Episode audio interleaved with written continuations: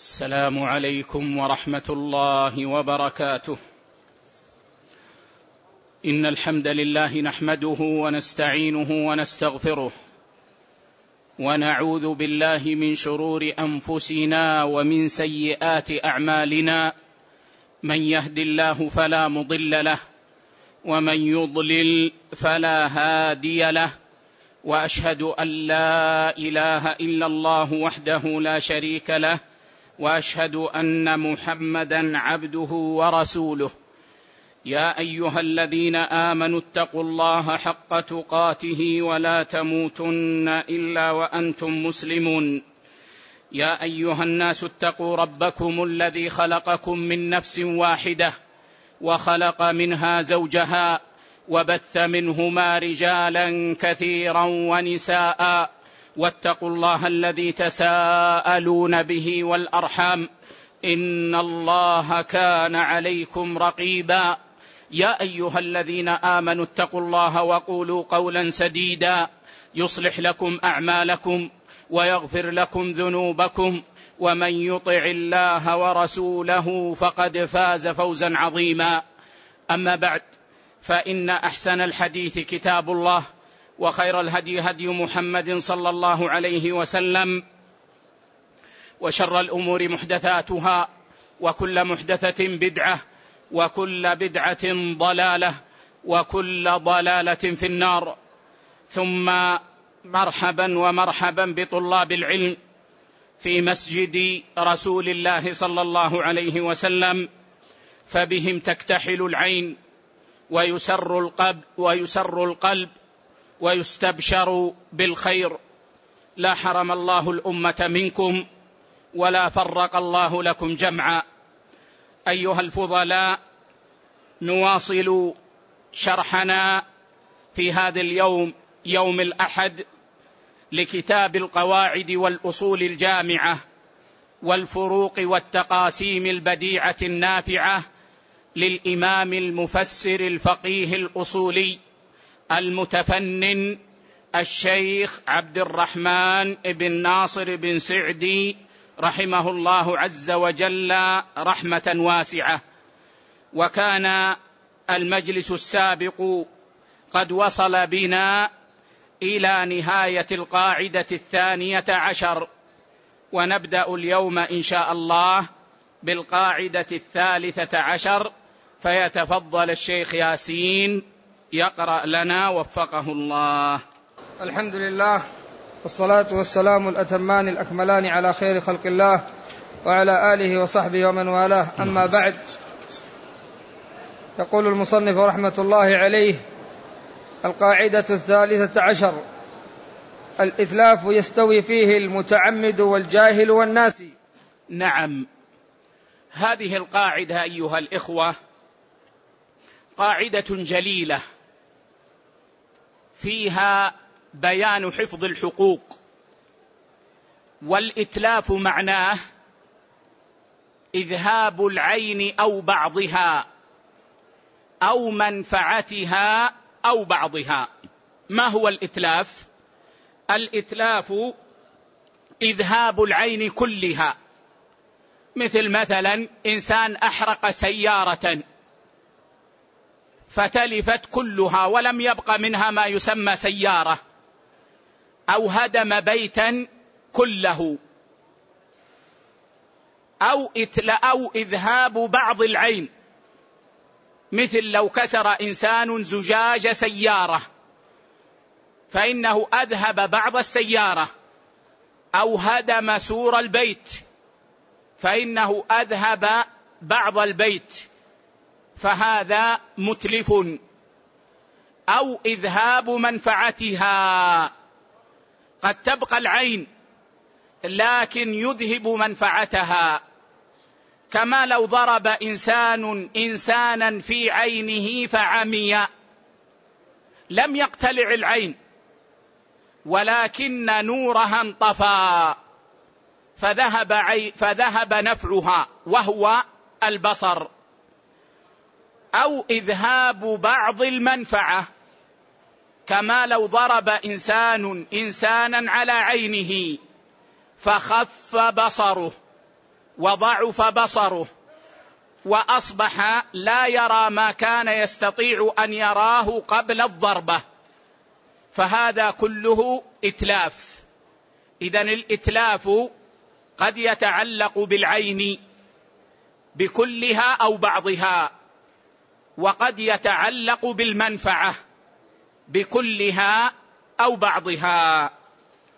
والإتلاف كما يقرر الفقهاء إما أن يكون من مالك وإما أن يكون من غير مالك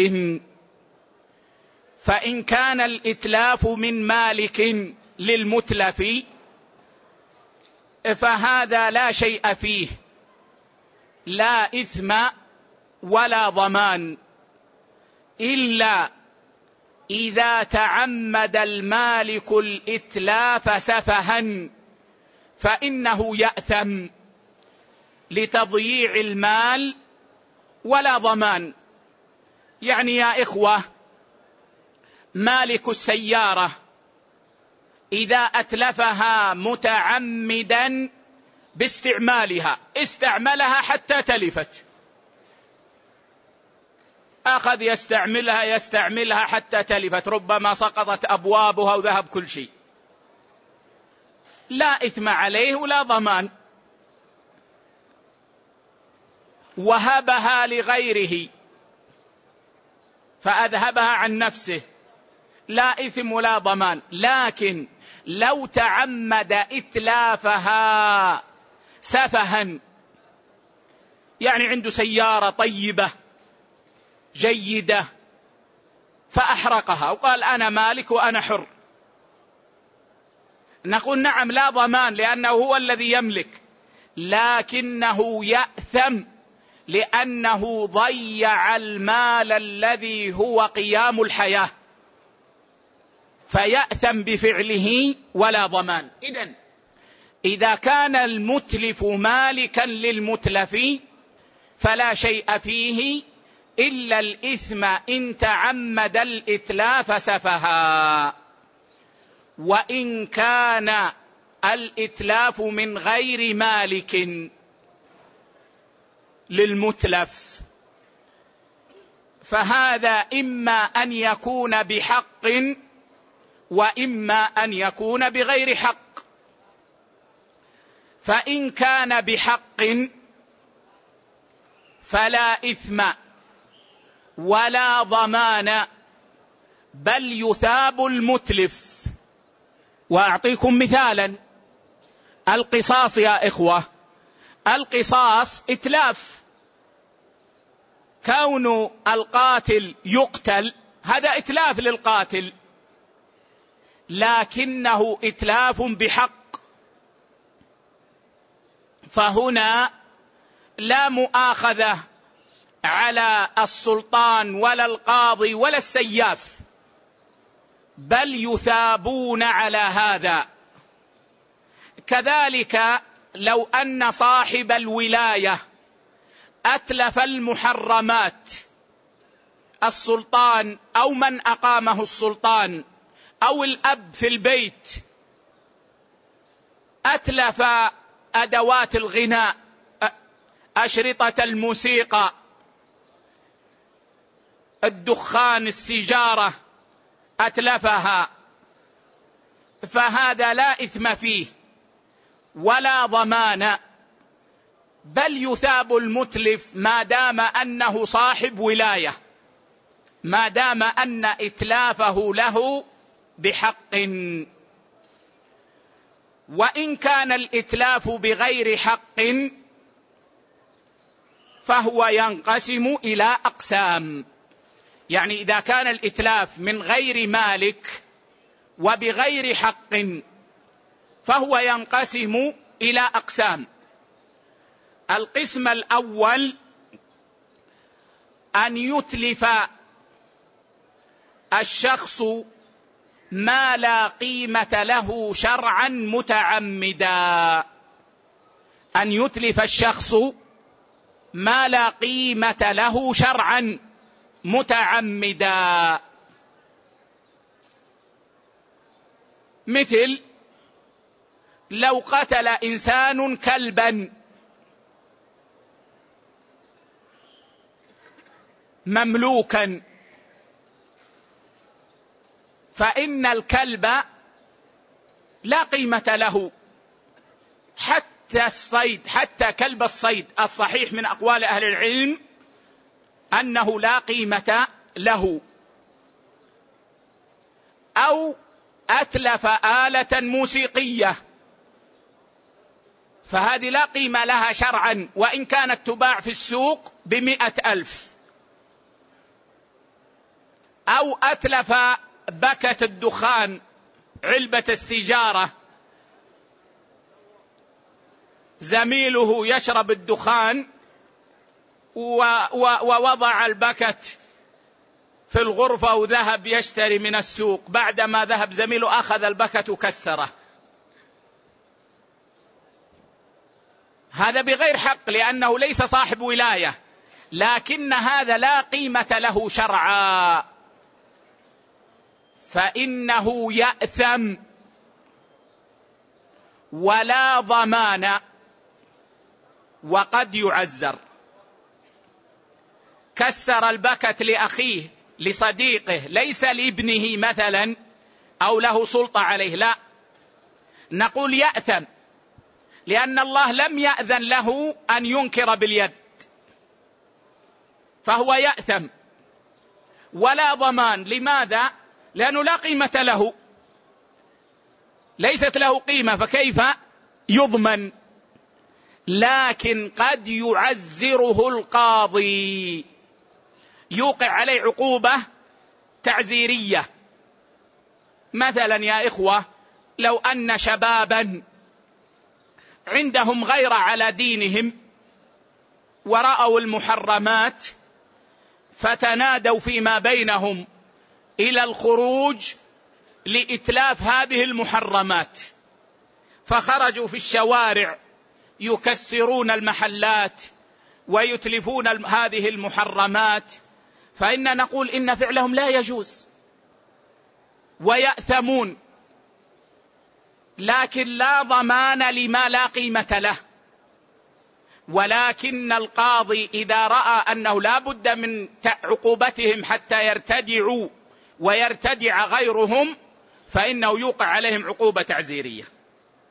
وليست ضمانا. هذا القسم الأول للإتلاف من غير المالك هذا بغير حق. القسم الثاني أن يكون المتلف لما لا قيمة له جاهلا أو ناسيا.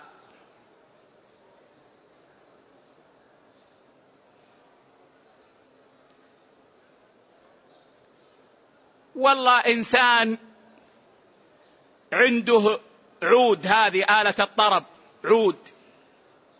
وواضعها وواضع عليها غطاء. فجاء إنسان متين وجلس عليها. فكسرها.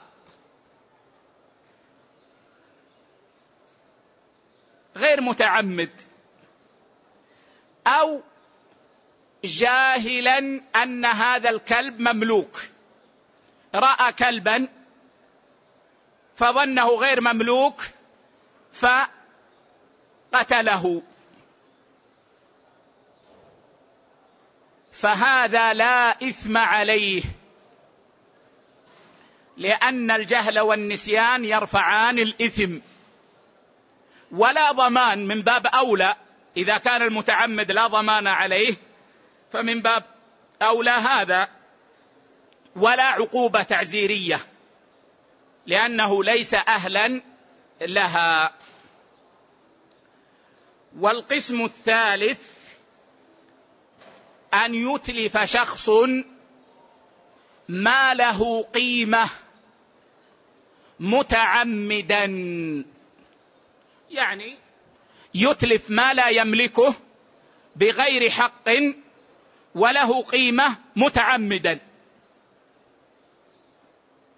وهذا يأثم وعليه الضمان سواء كان الحق للمخلوقين أو كان الحق لله.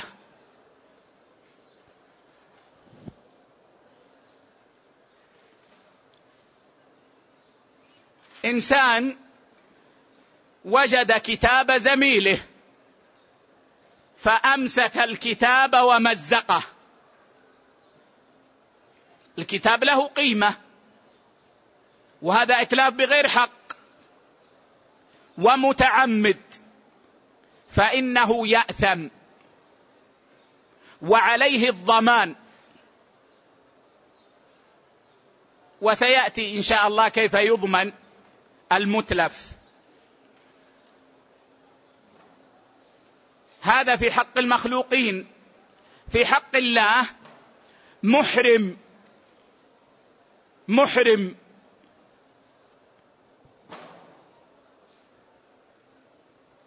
يعلم أن حلق الشعر حرام بالنسبة للمحرم ومتذكر.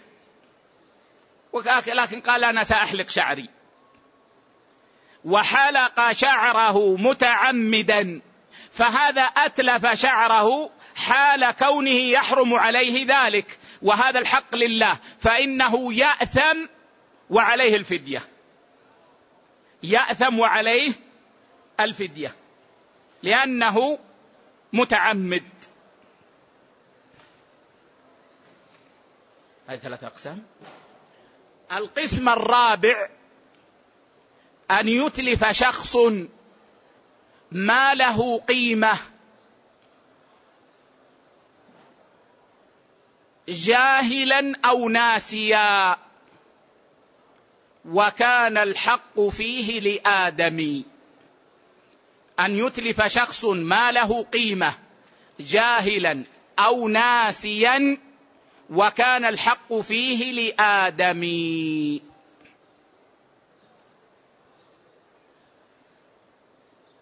أحدكم استعار من زميله دفترا. قال أعطني الدفتر الذي تكتب فيه مع الشيخ. طيب خذه أخذه. على عادة الكثيرين لا أقول عادة عادة الكثيرين الغالبة ما رده. بقي عنده شهرا وشهرين وثلاثة وسنة. ثم يوما أراد أن يتلف الأوراق التي عنده. فأخذ الأوراق وفيها دفتر زميله. وأحرقها بالنار. جاءه زميله وهو يحرق هذه الأوراق فرأى دفتره يحترق. قال هذا دفتري. قال والله معلش أنا كنت أظنه لي. أنا جاهل أنه لك. أنا أظن أني اتلفت مالي. جاهلا أو ناسيا. فلا إثم. لأن الجهل والنسيان يرفعان الإثم. كما قال الله عز وجل في دعاء المؤمنين المبارك ربنا لا تؤاخذنا إن نسينا أو أخطأنا. قال الله نعم كما جاء في الحديث في صحيح مسلم. أو قال قد فعلت. وعليه الضمان. عليه الضمان. الجهل والنسيان لا يسقطان حق العبد. فعليه أن يضمن هذا الدفتر بقيمته. يسأل الخبراء من طلاب العلم مثل هذا الدفتر بفوائده. كم يساوي في نظركم؟ قالوا يساوي عشرة آلاف نقول ادفع عشرة آلاف.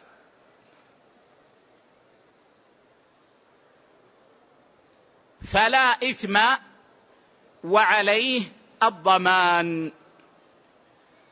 القسم الأخير أن يتلف شخص ما له قيمة شرعا جاهلا أو ناسيا وكان الحق فيه لله. أن يتلف شخص ما له قيمة جاهلا أو ناسيا. وكان الحق فيه لله. والله إنسان ذهب إلى العمرة في رمضان ووجد زحاما. لما رأى الزحام ورآه شديدا قال والله أنا ضعيف وصعب علي في هذا الزحام. ولا أستطيع أن أبقى يوما آخر. فخلع الإحرام وقال خلاص تركت العمرة. يظن أنه بهذا قد خرج من العمرة. فذهب إلى الحلاق وحلق شعره. ثم جاءنا وقال يا شيخنا قبل قليل أتيت رأيت الزحام وخلعت الإحرام. خلاص ما أريد العمرة. وذهبت إلى الحلاق وحلقت ما الحكم؟ قلنا له لا زلت محرما. رفضك للإحرام لا يسقطه. قال طيب أنا حلقت رأسي. نقول كنت تجهل أنك محرم. كنت تجهل أنك محرم. أو ناسيا. نسي أنه محرم فقلم أظفاره. فهذا اختلف فيه العلماء بعد اتفاقهم على أنه لا إثم عليه. اختلفوا هل يلزمه الضمان أي الفدية والجمهور على أنه يلزمه الضمان ولو كان جاهلا أو ناسيا. لماذا؟ قالوا لأن المحظور هنا قد وقع ولا يمكن أن يزال. يعني يا إخوة جاءهم محرم وقال يا شيخ أنا وضعت طيبا على يدي وأنا جاهل. قالوا له اغسل يدك ولا شيء عليك. جاءهم آخر قال يا شيخ أنا حلقت رأسي وأنا محرم وأنا جاهل. قالوا عليك الفدية. قلنا سبحان الله. ما الفرق بين هذا وهذا؟ قالوا الفرق أن هذا المحظور يمكن رفعه إذا وقع. ما هو المحظور؟ الطيب.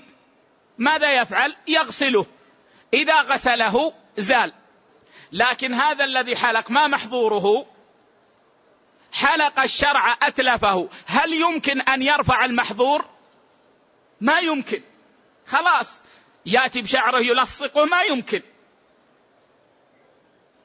فهذا وجه قول الجمهور.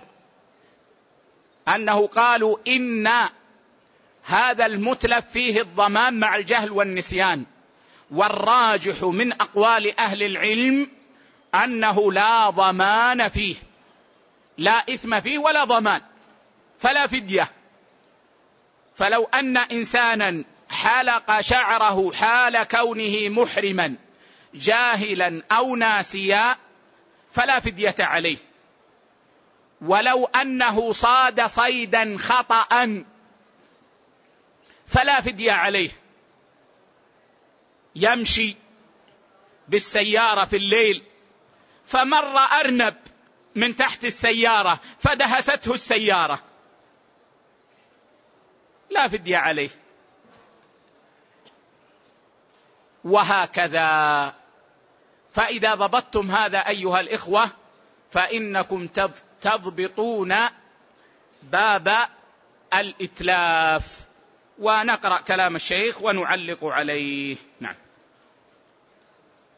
قال رحمة الله عليه وهذا شامل لإتلاف النفوس والأموال والحقوق.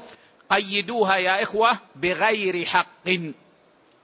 قيدوها بغير حق. لأنه في التفصيل سيذكر قيد بغير حق لكن في الأصل العام نقيدها فنقول بغير حق. نعم.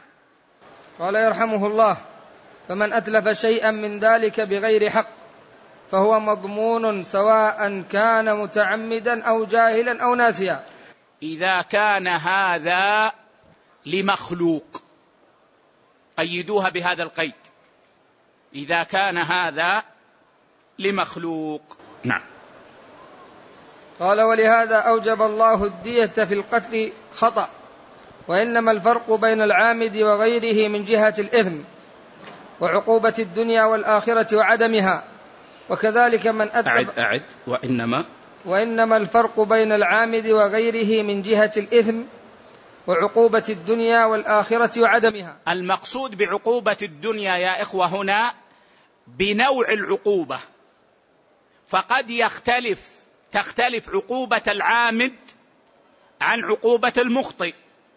الذي يقتل عمدا عقوبته القصاص والذي يقتل خطأ عقوبته هنا الدية والكفارة. الدية والكفارة. نعم قال رحمة الله عليه وكذلك من أتلف مال غيره بمباشرة أو سبب فهو ضامن. كذلك من أتلف مال غيره بمباشرة بأن كان هو المباشر للإتلاف. أحرق سيارة غيره. يضمن. أو سبب. بأن كان متسببا وإن لم يكن مباشرا للإتلاف. وسأذكر لكم بعد قليل أقسام التسبب. لكن اولا أوضح لكم المقصود. إنسان حفر حفرة في الطريق. ممنوع من البلدية ما يحفر أمام البيت. فجاء في الليل وحفر حفرة. من أجل أنه بعد الفجر ينهيها قبل أن تأتي البلدية. فجاء رجل ذاهب إلى الصلاة صلاة الفجر إلى المسجد. فوقع في الحفرة. فمات أو انكسرت رجله. فعلى الحافر الضمان. مع أنه هنا ما باشر. لكنه تسبب. والإتلاف بالتسبب يا إخوة يقول العلماء إنه على أقسام. القسم الأول أن لا يكون بين المتسبب والتلف واسطة.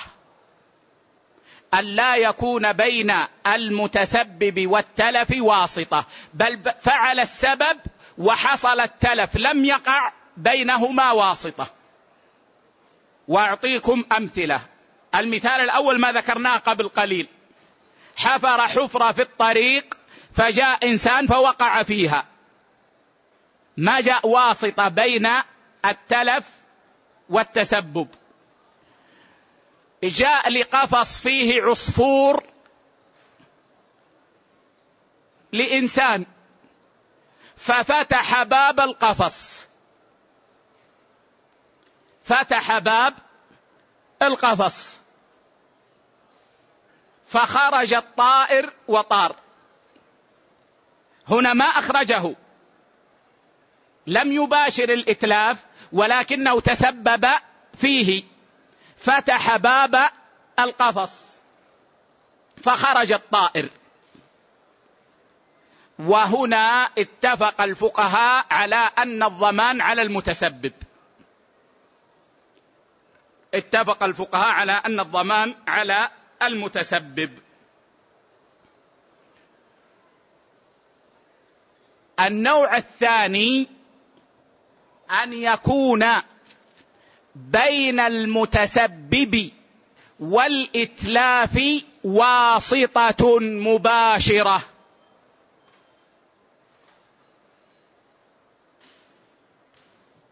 لها الأثر في الإتلاف.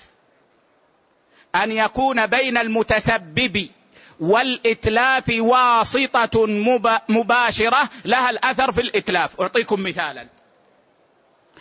صاحبنا الأول حفر حفرة في الطريق.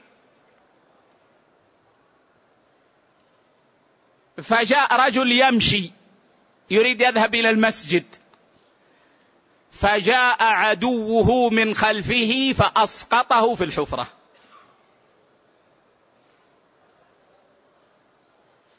فوقع في الحفرة ومات أو تكسرت عظامه. الآن جاءت واسطة.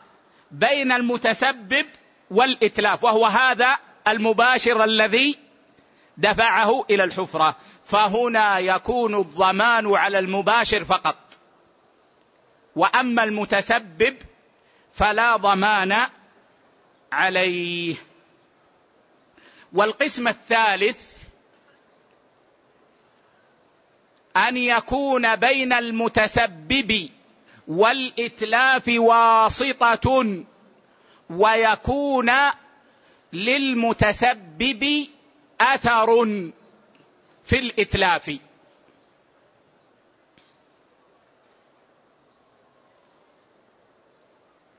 يعني يا إخوة رجل راكب على دابة وآخر يسوقها.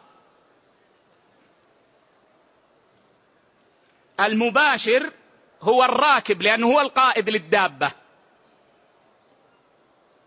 والسائق متسبب.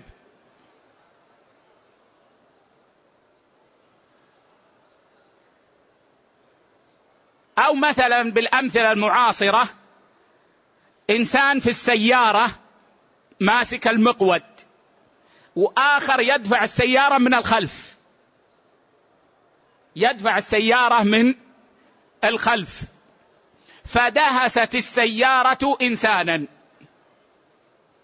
دهست طفلا مثلا فأتلفته مات. هنا عندنا القائد هو المباشر السواق هو المباشر والدافع متسبب لأنه هو الذي حرك السيارة. فهنا يضمنان معا. يضمنان معا. فيكون الضمان على الاثنين. مثال آخر. أكره رجل رجلا على قتل معصوم. أكره رجل رجلا على قتل معصوم. أعطاها المسدس ووضع المسدس الآخر في رأسه. وقال إما أن تقتل هذا أو أقتلك. فقام المكره فقتل عندنا الآن مباشر وهو القاتل المكره ومتسبب وهو المكره. ولا شك هنا أن المتسبب له أثر. وإن كان الذي باشر هو المكره. فهنا يضمنان معا. المكره والمكره يضمنان. طيب يقول واحد فيكم يا شيخ مكره. نقول فعل ما لا يجوز له بالإكراه. وقد تقدم معنا مرارا يا إخوة أن الفقهاء اتفقوا على أن القتل لا يجوز بسبب الإكراه. ديننا دين تعظيم الدماء. دين تعظيم الدماء. ولذلك أخوة من أعظم النصوص الواردة في هذا قول النبي صلى الله عليه وسلم أيما رجل آمن رجلا على دمه فقتله فأنا من القاتل بريء وإن كان المقتول كافرا. سبحان الله يا إخوة. الإسلام حرم على المسلم أن يقتل من آمنه على دمه. فالإكراه لا يجيز القتل. طيب يقول لي قائل منكم لو أكرهه على إتلاف مال. جاء ووضع المسدس على رأسه. وقال إما أن أقتلك أو تذبح هذه الشاة. فذبح الشاة هنا الراجح الراجح من أقوال أهل العلم أن الضمان على المكره فقط. لماذا؟ لأن المكره قد فعل ما أذن له شرعا. بسبب الإكراه. والإذن الشرعي ينافي الضمان. كما سيأتينا إن شاء الله. فيكون الضمان على المكره فقط. الحالة أو القسم الثالث. الثالث ولا الرابع؟ الرابع. أنا ما ولذلك إذا أخطأت في, في, في الأرقام نبهوني. القسم الرابع إذا كان بين المتسبب والإتلاف واسطة غير أن الأثر الأكبر للمتسبب. فهنا يكون الضمان على المتسبب فقط.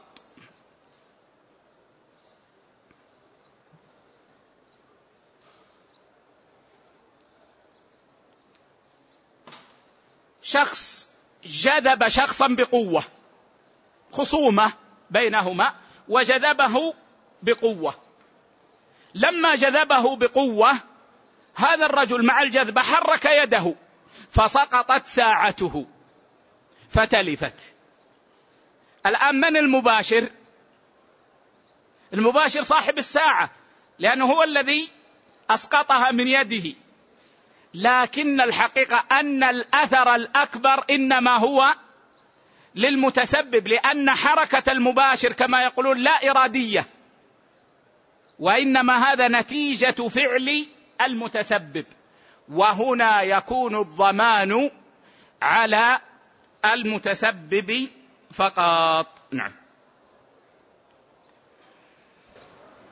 قال رحمة الله عليه ومن الأسباب المتعلق بها الضمان إتلاف بهيمته التي هو متصرف فيها والتي يخرجها ليلا أو نهارا بقرب ما تتلفه أو يطلق حيوانه المعروف.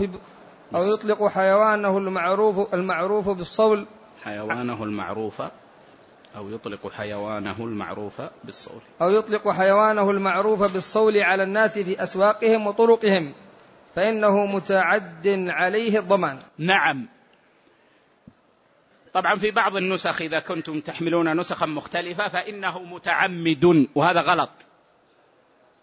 وإنما الصواب فإنه متعد. يا إخوة الأصل فيما تتلفه البهيمة أنه هدر لا ضمان فيه. الأصل فيما تتلفه البهيمة الدابة أنه لا ضمان فيه. لأن النبي صلى الله عليه وسلم قال العجماء جرحها جبار.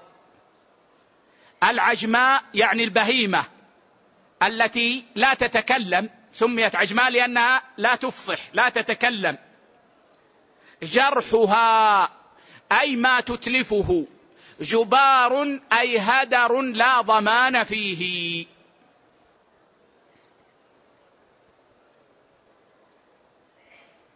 فلو أن رجلا وضع البرسيم عند باب بيته ودخل يدخل بعض الأشياء وجاءت دابه على المعتاد وأكلت البرسيم. فإنه لا ضمان على صاحبها. هذا الأصل. ويستثنى من ذلك. إذا كان هناك إنسان متسببا في إتلافها. يعني إذا تسبب إنسان في إتلافها لشيء فإن ذلك الإنسان يضمن. ولهذا صور. الصورة الأولى إذا كان الإنسان يقود الدابة فأتلفت شيئا فإنه يضمن. يعني يا أخوة إنسان راكب على حمار أو بعير له أو لغيره يقوده. ممسك بخطامه. فأكلت هذه الدابة شيئا. أو ضربت انسانا. فكسرت يده رجله جرحت رأسه. فإن هذا الإنسان يضمن ما أتلفته الدابة. يضمن ما أتلفته الدابة. هذه الصورة الأولى. الصورة الثانية أن تتلف الدابة شيئا في الليل. أن تتلف الدابة شيئا في الليل. فهنا على صاحبها الضمان ولو لم يكن معها. والله إنسان عنده غنم. بعد العشاء خرجت الغنم من الزريبة ودخلت مزرعة. ووجدت الخضرة. واكلت اكلت أكلت حتى زادت عن حد الشبع. لما جاء صاحب البستان بعد صلاة الفجر يريد أن يسقي زرعه وإذا بأكثر الزرع تالف. وجد آثار الغنم إلى زريبة جاره. فهنا على صاحب الغنم الضمان. على صاحب الغنم الضمان. لأنه متسبب في الحقيقة حيث لم يحسن حفظها. والصورة الثالثة إذا أطلقها حيث يغلب على الظن أن تتلف. إذا أطلقها حيث يغلب على الظن أن تتلف.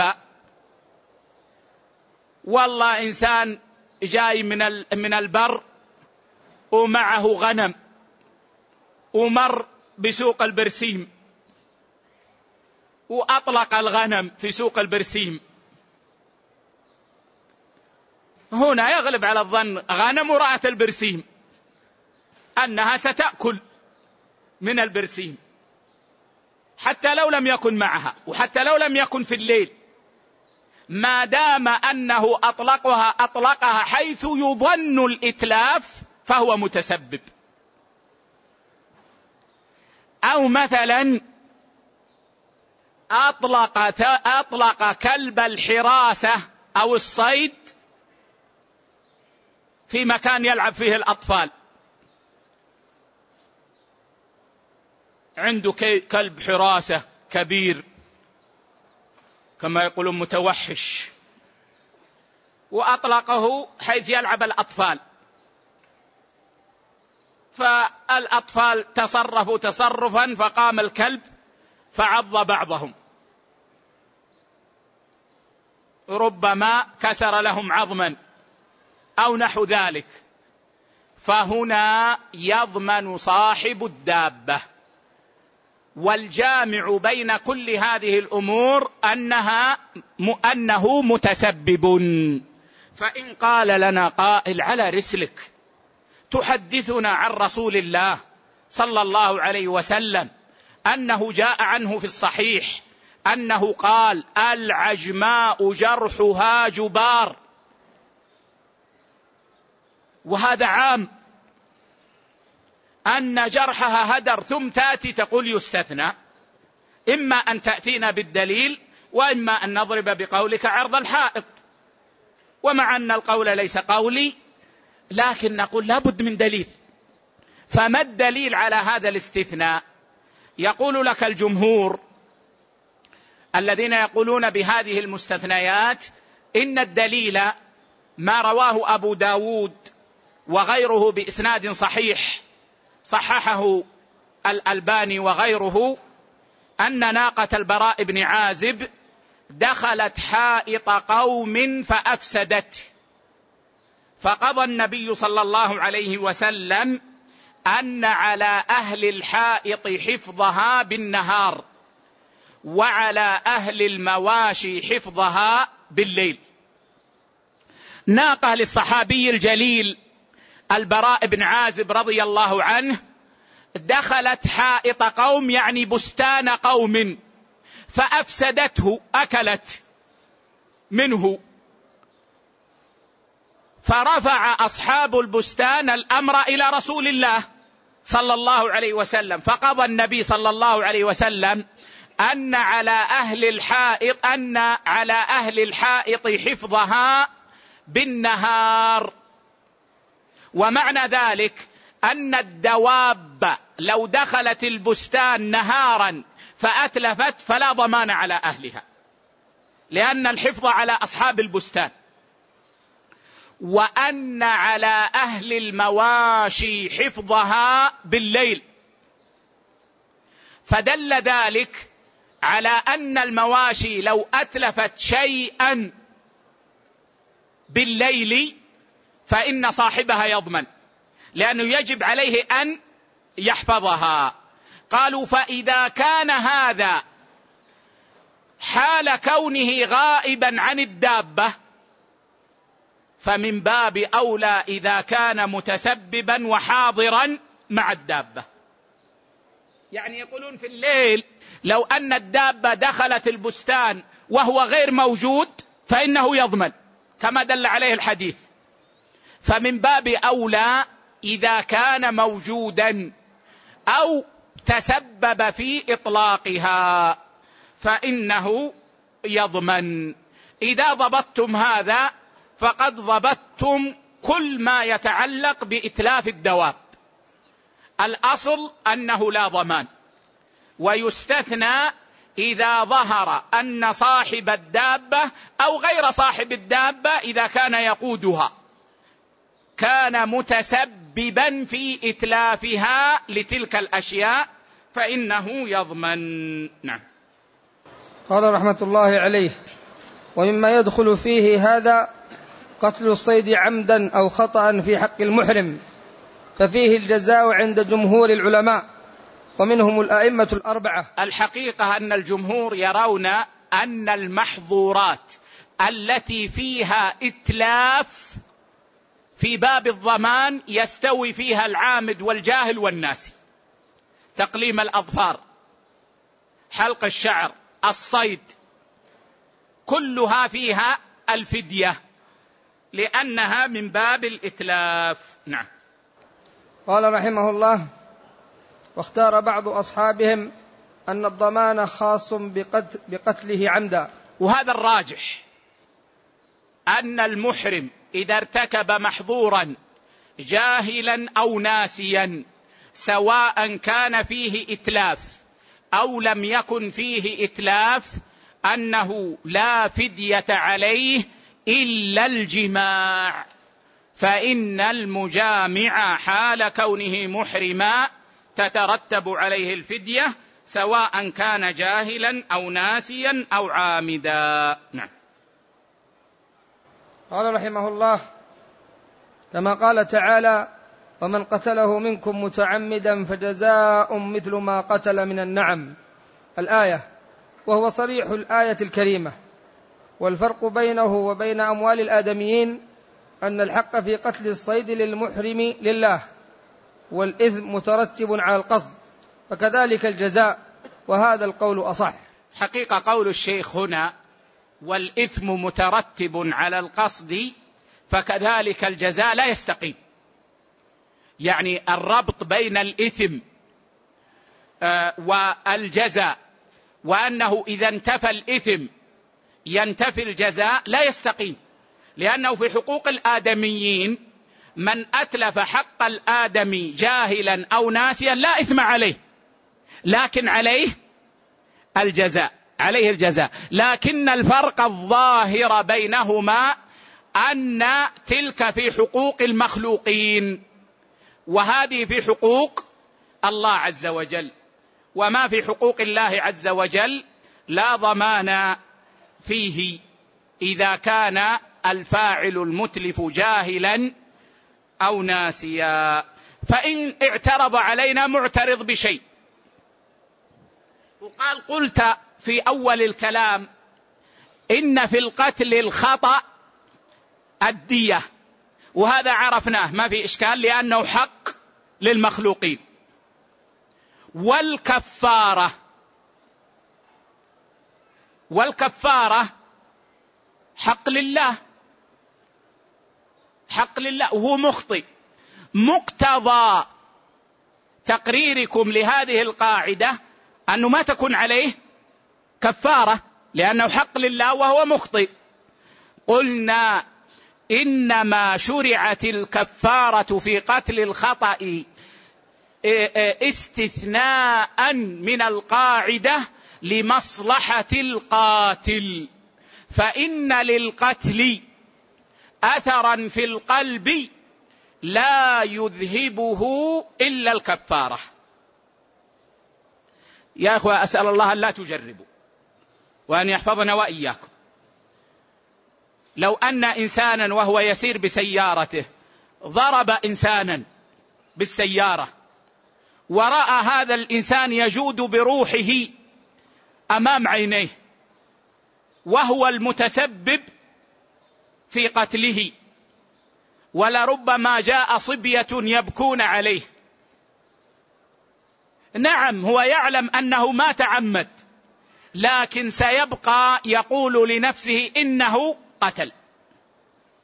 ويكون لهذا تأثير نفسي عليه.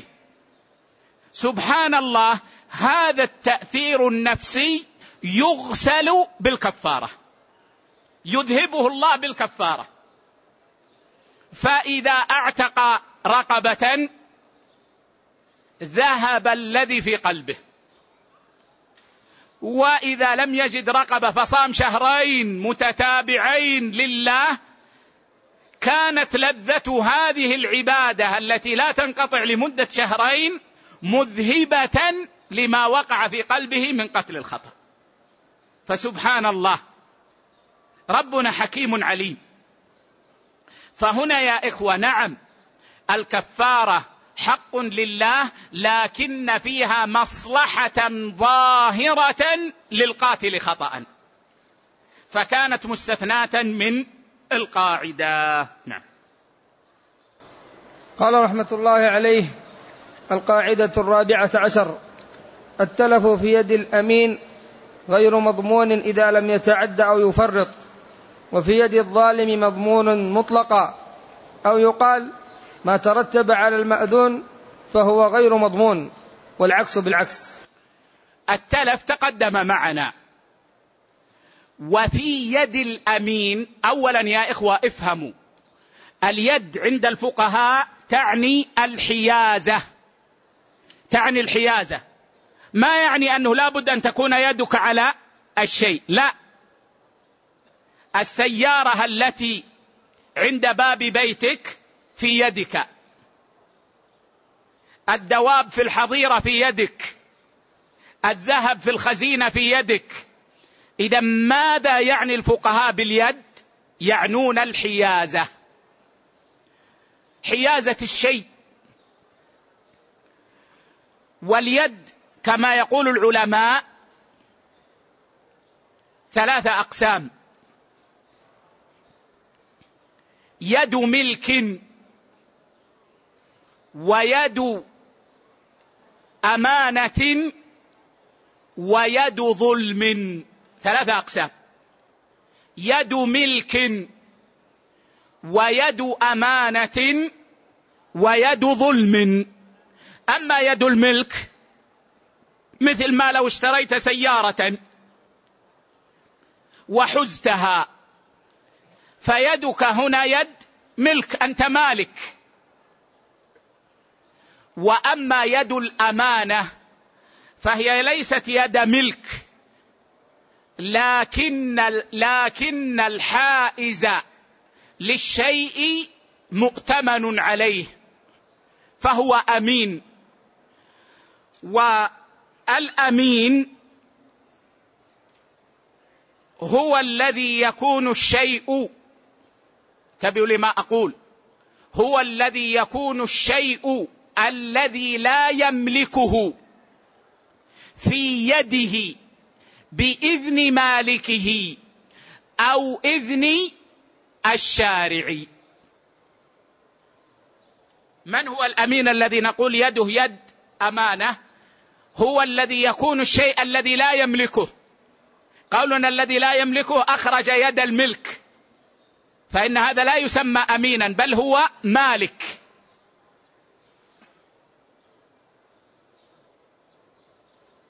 فيكون هذا حائزا ما لا يملك بإذن المالك.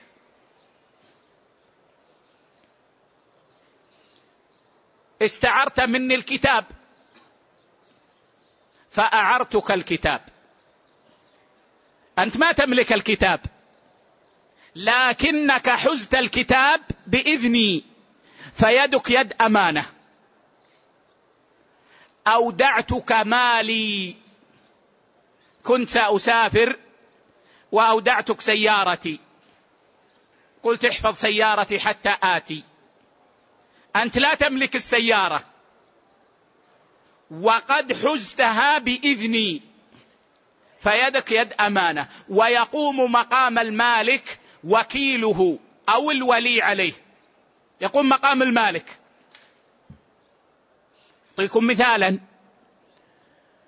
زميلك سافر إلى بلاده في الإجازة وقال أنا سآتي في آخر رمضان إن شاء الله. فقلت لا بأس أنا في آخر رمضان سأسافر. خلاص اتركها عندي.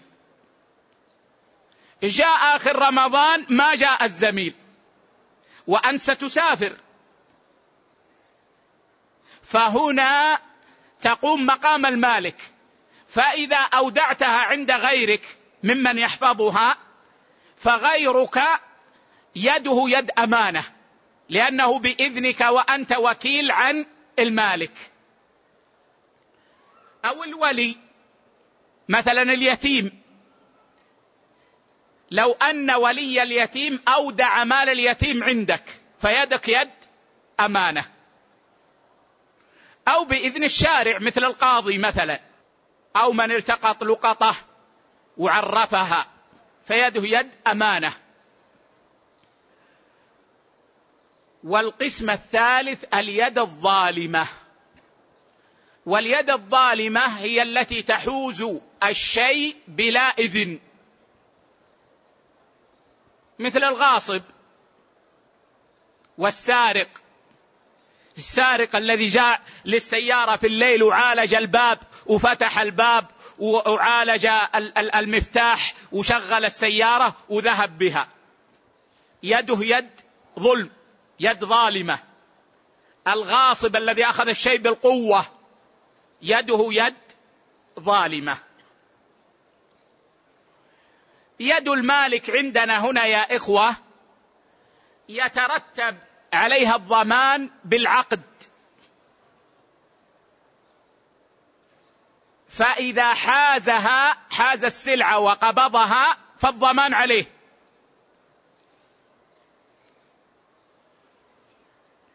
ذهبت إلى معرض السيارات واشتريت السيارة وأعطاك صاحب المعرض المفتاح وأخذت المفتاح وأوقفت السيارة خارج المعرض.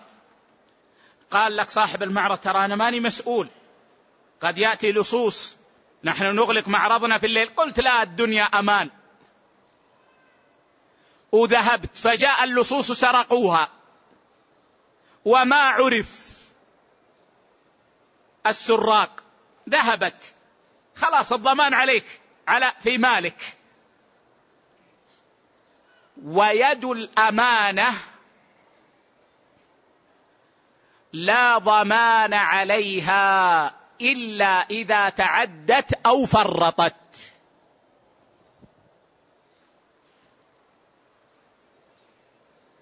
المودع لا ضمان عليه. أودعتني سيارتك فجاء اللصوص وسرقوا سيارتي وسيارتك.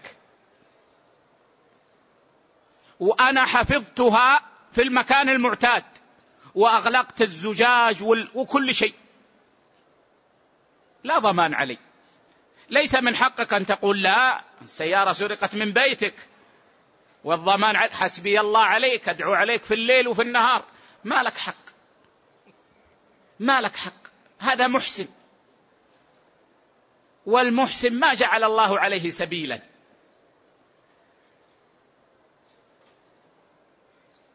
لكن إذا فرط الأمين فرط فأهمل. أودعته ذهب زوجتك حتى تعودون من السفر. فوضع الذهب في الصالة في القاعه المفتوحة. يراها الأطفال ويراها الزوار وسرق الذهب. ليس له أن يقول لا أنا أمين أنت قد فرطت لأنك وضعته حيث لا يحفظ. أو تعدى. تعدى. ففعل ما لا يجوز.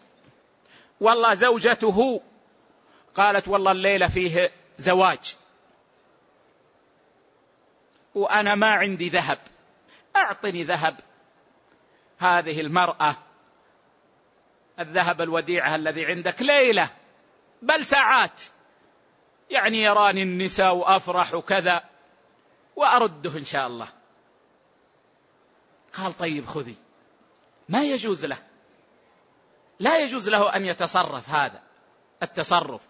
فلبست المرأة الذهب وذهبت أمام الناس وتظهر الذهب تمشي تظهر الذهب أمام النساء. مسكينة ما تعرف للذهب. جاءت لصة وسرقت الذهب وهو عليها. هنا يضمن. لأنه متعدي.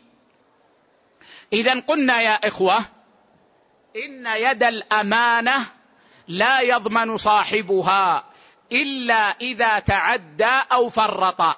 فهل يستثنى شيء؟ أقول نعم.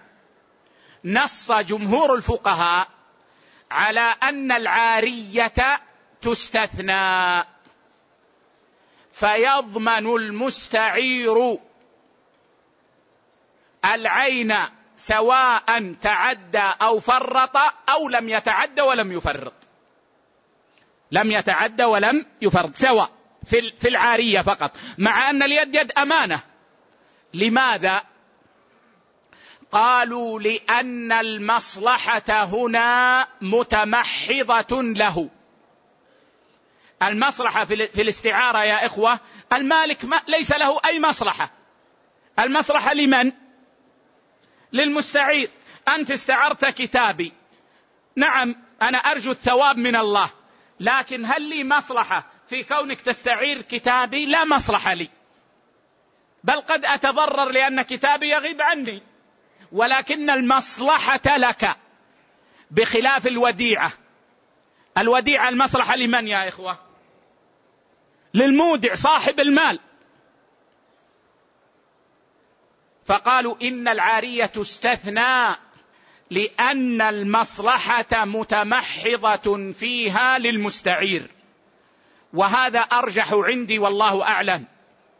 وإن كان من أهل العلم كشيخ بن سعدي رحمه الله والشيخ بن عثيمين رحمه الله من يرجحون أن يد المستعير يد يد أمانة لا يضمن إلا إذا فرط أو تعدى. لكن الأقرب للقواعد والله أعلم أنه يضمن مطلقا. وعندنا ضابط شرعي وهو نافع جدا لطالب العلم في فهم المسائل. يقول إذا قل الوازع الطبعي عظم الوازع الشرعي إذا قل الوازع الطبعي المانع الطبعي الفطري إذا قل عظم الوازع الشرعي.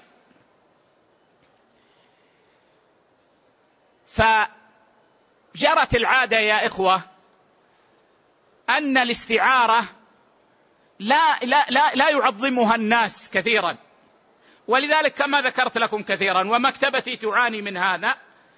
أن الكتب وغيرها التي تستعار لا تكاد ترد. بعض الناس يستعير من الأواني أكثر مما في بيته. ثم بعد سنتين ثلاث سنين أربع سنين إذا أراد أن ينتقل من هذا البيت إلى بيت آخر بدأ ينظر هذا الصحن لنا لا والله ما هو لنا لمن والله استعار من ناس كثير. ما يدري الآن لمن. فهنا يعظم الوازع الشرعي فنقول تضمن. فرطت أو لم تفرط. فإذا تلفت العين عندك أو نسيت صاحبها ولم تصل إليه فإنك تضمنها. فإنك تضمنها. نعم. قال رحمة الله عليه الأمين هو الذي في يده مال غيره برضا المالك أو برضا الشارع أو برضا من له الولاية عليه. الأدق أن يقال هو الذي في يده مال غيره بإذن المالك أو إذن الشارع أو إذن من له ولاية لأن المعتبر هو الإذن. نعم. والرضا أثر. نعم. قال رحمه الله فيدخل في هذا الوديع والوكيل والمرتهن والأجير والشريك والمضارب والملتقط وناظر الوقف وولي الصغير والمجنون والسفيه ووصي الميت وأمين الحاكم. فكل هؤلاء ومن أشبههم إذا تلف المال بأيديهم لا يضمنون لأن هذا هو معنى الائتمان لأن التلف في أيديهم كالتلف, بي كالتلف بيد المالك. لأنهم محسنون والمحسن لا سبيل عليه ولأنهم لو ضمنوا لسد هذا الباب. لو قلنا إن المودع يضمن مطلقا ما قبل أحد بالوديعة. ما قبل أحد بالوديعة. يقول يعني أنا أنا آخذ المال منك وأحفظه لك. طيب جاء اللصوص سرقوا مالي ومالك. ثم تأتي أنت وتضمنني تضمنني مالك فتكون المصيبة علي مرتين. فلا يقبل.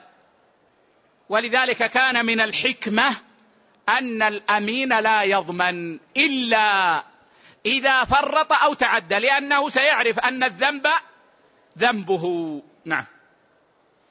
قال رحمه الله والفرق بين التعدي والتفريط أن التفريط ترك ما يجب من الحفظ. والتعدي فعل ما لا يجوز من التصرفات أو الاستعمالات لأنهم في هذه الحالة لأنهم في هذه الحال يشبهون الغاصب ولأنهم مأذون لهم في الحفظ أو التصرف أو ما أشبهه فلا يضمنون. لو قيل لأنهم فعلوا ما لا يجوز لهم لكان هذا أشمل.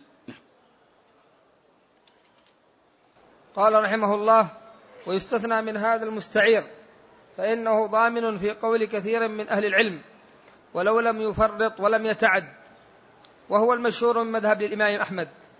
والقول الثاني أصح وهو أن العارية تجري مجرى بقية الأمانات إن تعدى فيها المستعير أو فرط ضمن وإلا فلا والله أعلم. وذكرت لكم أن الذي أرى رجحانه هو القول الأول وأن الفرق بين المستعير وغيره ظاهر. نعم. قال رحمة الله عليه وأما من بيده المال بغير حق فإنه ضامن ها أنا نسيت أن أتكلم عن اليد الظالمة.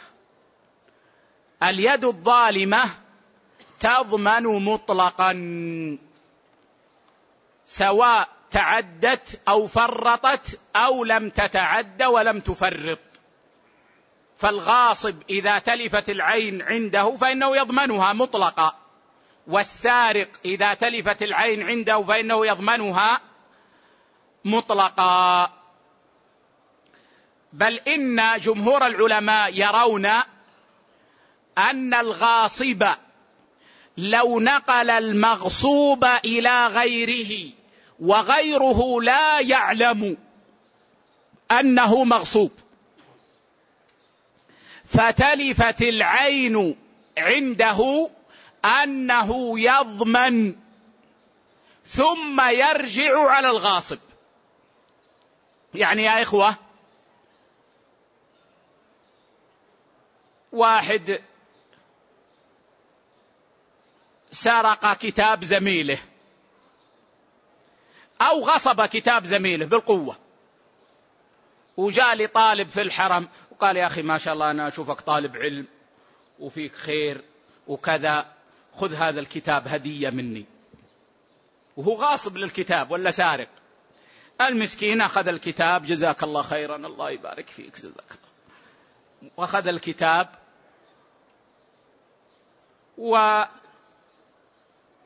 واحترق الكتاب عنده وتلف عنده.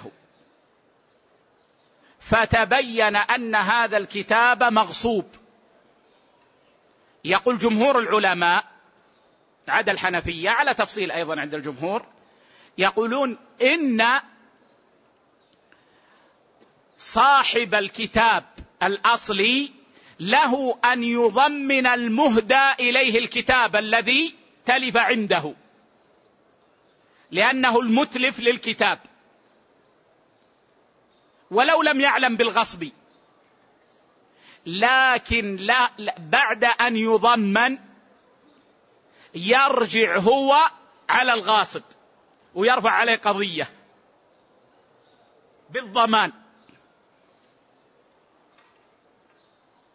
وهناك قول عند المالكية في الحقيقة قول طيب وهو أنهم يقولون يخير يخير صاحب المال المغصوب بين تضمين أحدهما. بين أن يضمن الغاصب وبين أن يضمن المتلف. فإن ضمن الغاصب أخذ حقه وانتهى. وإن ضمن المتلف عاد المتلف على الغاصب بالضمان بعد أن يضمن. نعم. قال رحمه الله وأما من بيده المال بغير حق فإنه ضامن لما في يده سواء تلف بتعد أو تفريط أو لا. لأن يد الظالم يد عادية يضمن صاحبها العين ومنافعها. فيدخل في هذا الغاصب والخائن في أمانته. ومن عنده عين لغيره فطلب منه الرد لمالكها أو لوكيلها فامتنع بغير حق. نعم من عنده عين لغيره ولو بإذن. فطلب منه أن يردها فامتنع مع وجوب ردها. مع وجوب ردها. شخص استعار كتابا. استعار كتاب. وقال له صاحب الكتاب يا أخي أعطني كتابي. فامتنع. بغير حق فإنه يكون ظالما هنا نعم قال رحمه الله ومن عنده لقطة فسكت ولم يعرفها. أي وجد لقطة يجب تعريفها لأن اللقطة تنقسم إلى أقسام كما سيأتينا إن شاء الله في الفروق. فأخذ هذه اللقطة شاه أخذها وضعها عنده وسكت ما عرف. فتلفت الشاه ماتت. فإن عليه الضمان لأنه ظالم بعدم التعريف. نعم. قال رحمه قال رحمه الله ومن عنده لقطة فسكت ولم يعرفها ومن حصل في بيته أو يده مال لغيره فلم يرده ولم يخبر به صاحبه لغير عذر. نعم العلماء يقولون إذا سقط في البيت شيء يعلم مالكه فإن كان خفيفا وجب رده وإن كان ثقيلا وجب الإخبار به. والله عمامة سقطت من بيت جاري في بيتي في حوشي. وجب علي أن أرد شيء خفيف ما فيه مؤونة أحمل العمامة وأقول يا جاري هذا سقط من بيتكم. وإن كان ثقيلا والله سقط علينا صندوق ولا كذا من بيت جارنا. فأخبر أقول ترى سقط من بيتكم كذا تعالوا خذوه. تعالوا خذوه طيب سقط من بيت الجار العمامة أو الثوب؟ وقال هذا الجار آذانا كل يوم يسقط عن, عن عندنا من بيته ثياب وعمايم. أنا ما أخبره. وبقيت هذه العمامة في الحوش أياما ووقع عليها شيء ولا احترقت. يقولون يضمن. لأنه ظالم هنا. إذ الواجب عليه أن يردها أو يخبر صاحبها. نعم. قال رحمه الله ولم يخبر به صاحبه لغير عذر وما أشبه هؤلاء فكلهم ضامنون. ولهذا كان أسباب الضمان ثلاثة اليد الظالمة كهذه اليد ومباشرة الإتلاف بغير حق أو فعل سبب يحصل به تلف كما تقدم في الأصل السابق والله أعلم. على كل حال القاعدة عند الفقهاء أن أسباب الضمان ثلاثة عقد ويد وإتلاف. هكذا في قواعد ابن رجب وغيره أسباب الضمان ثلاثة عقد ويد وإتلاف. والإتلاف قد يكون بالمباشرة وقد يكون بالتسبب. وقد مر يعني كل هذا في أثناء شرحنا لهذه القاعدة. ونقف هنا. ولعلنا نجيب عن سؤال أو سؤالين. وتعلمون أن غدا الاثنين هو يوم استراحتنا. ثم يوم الثلاثاء إن شاء الله سنشرح كتاب صحيح الترغيب والترهيب. نعم. جزاكم الله خيرا وبارك فيكم ورفع قدركم في الدارين ونفعنا بما قلتم وغفر الله لنا ولكم وللمؤمنين. آمين آمين. أحسن الله إليكم. يقول اشتريت hard disk لشخص في بلدي بطلب منه. وضاع في أثناء السفر مع الكمبيوتر الخاص بي والمبلغ أخذته من الشخص الذي في البلد. هل علي الضمان؟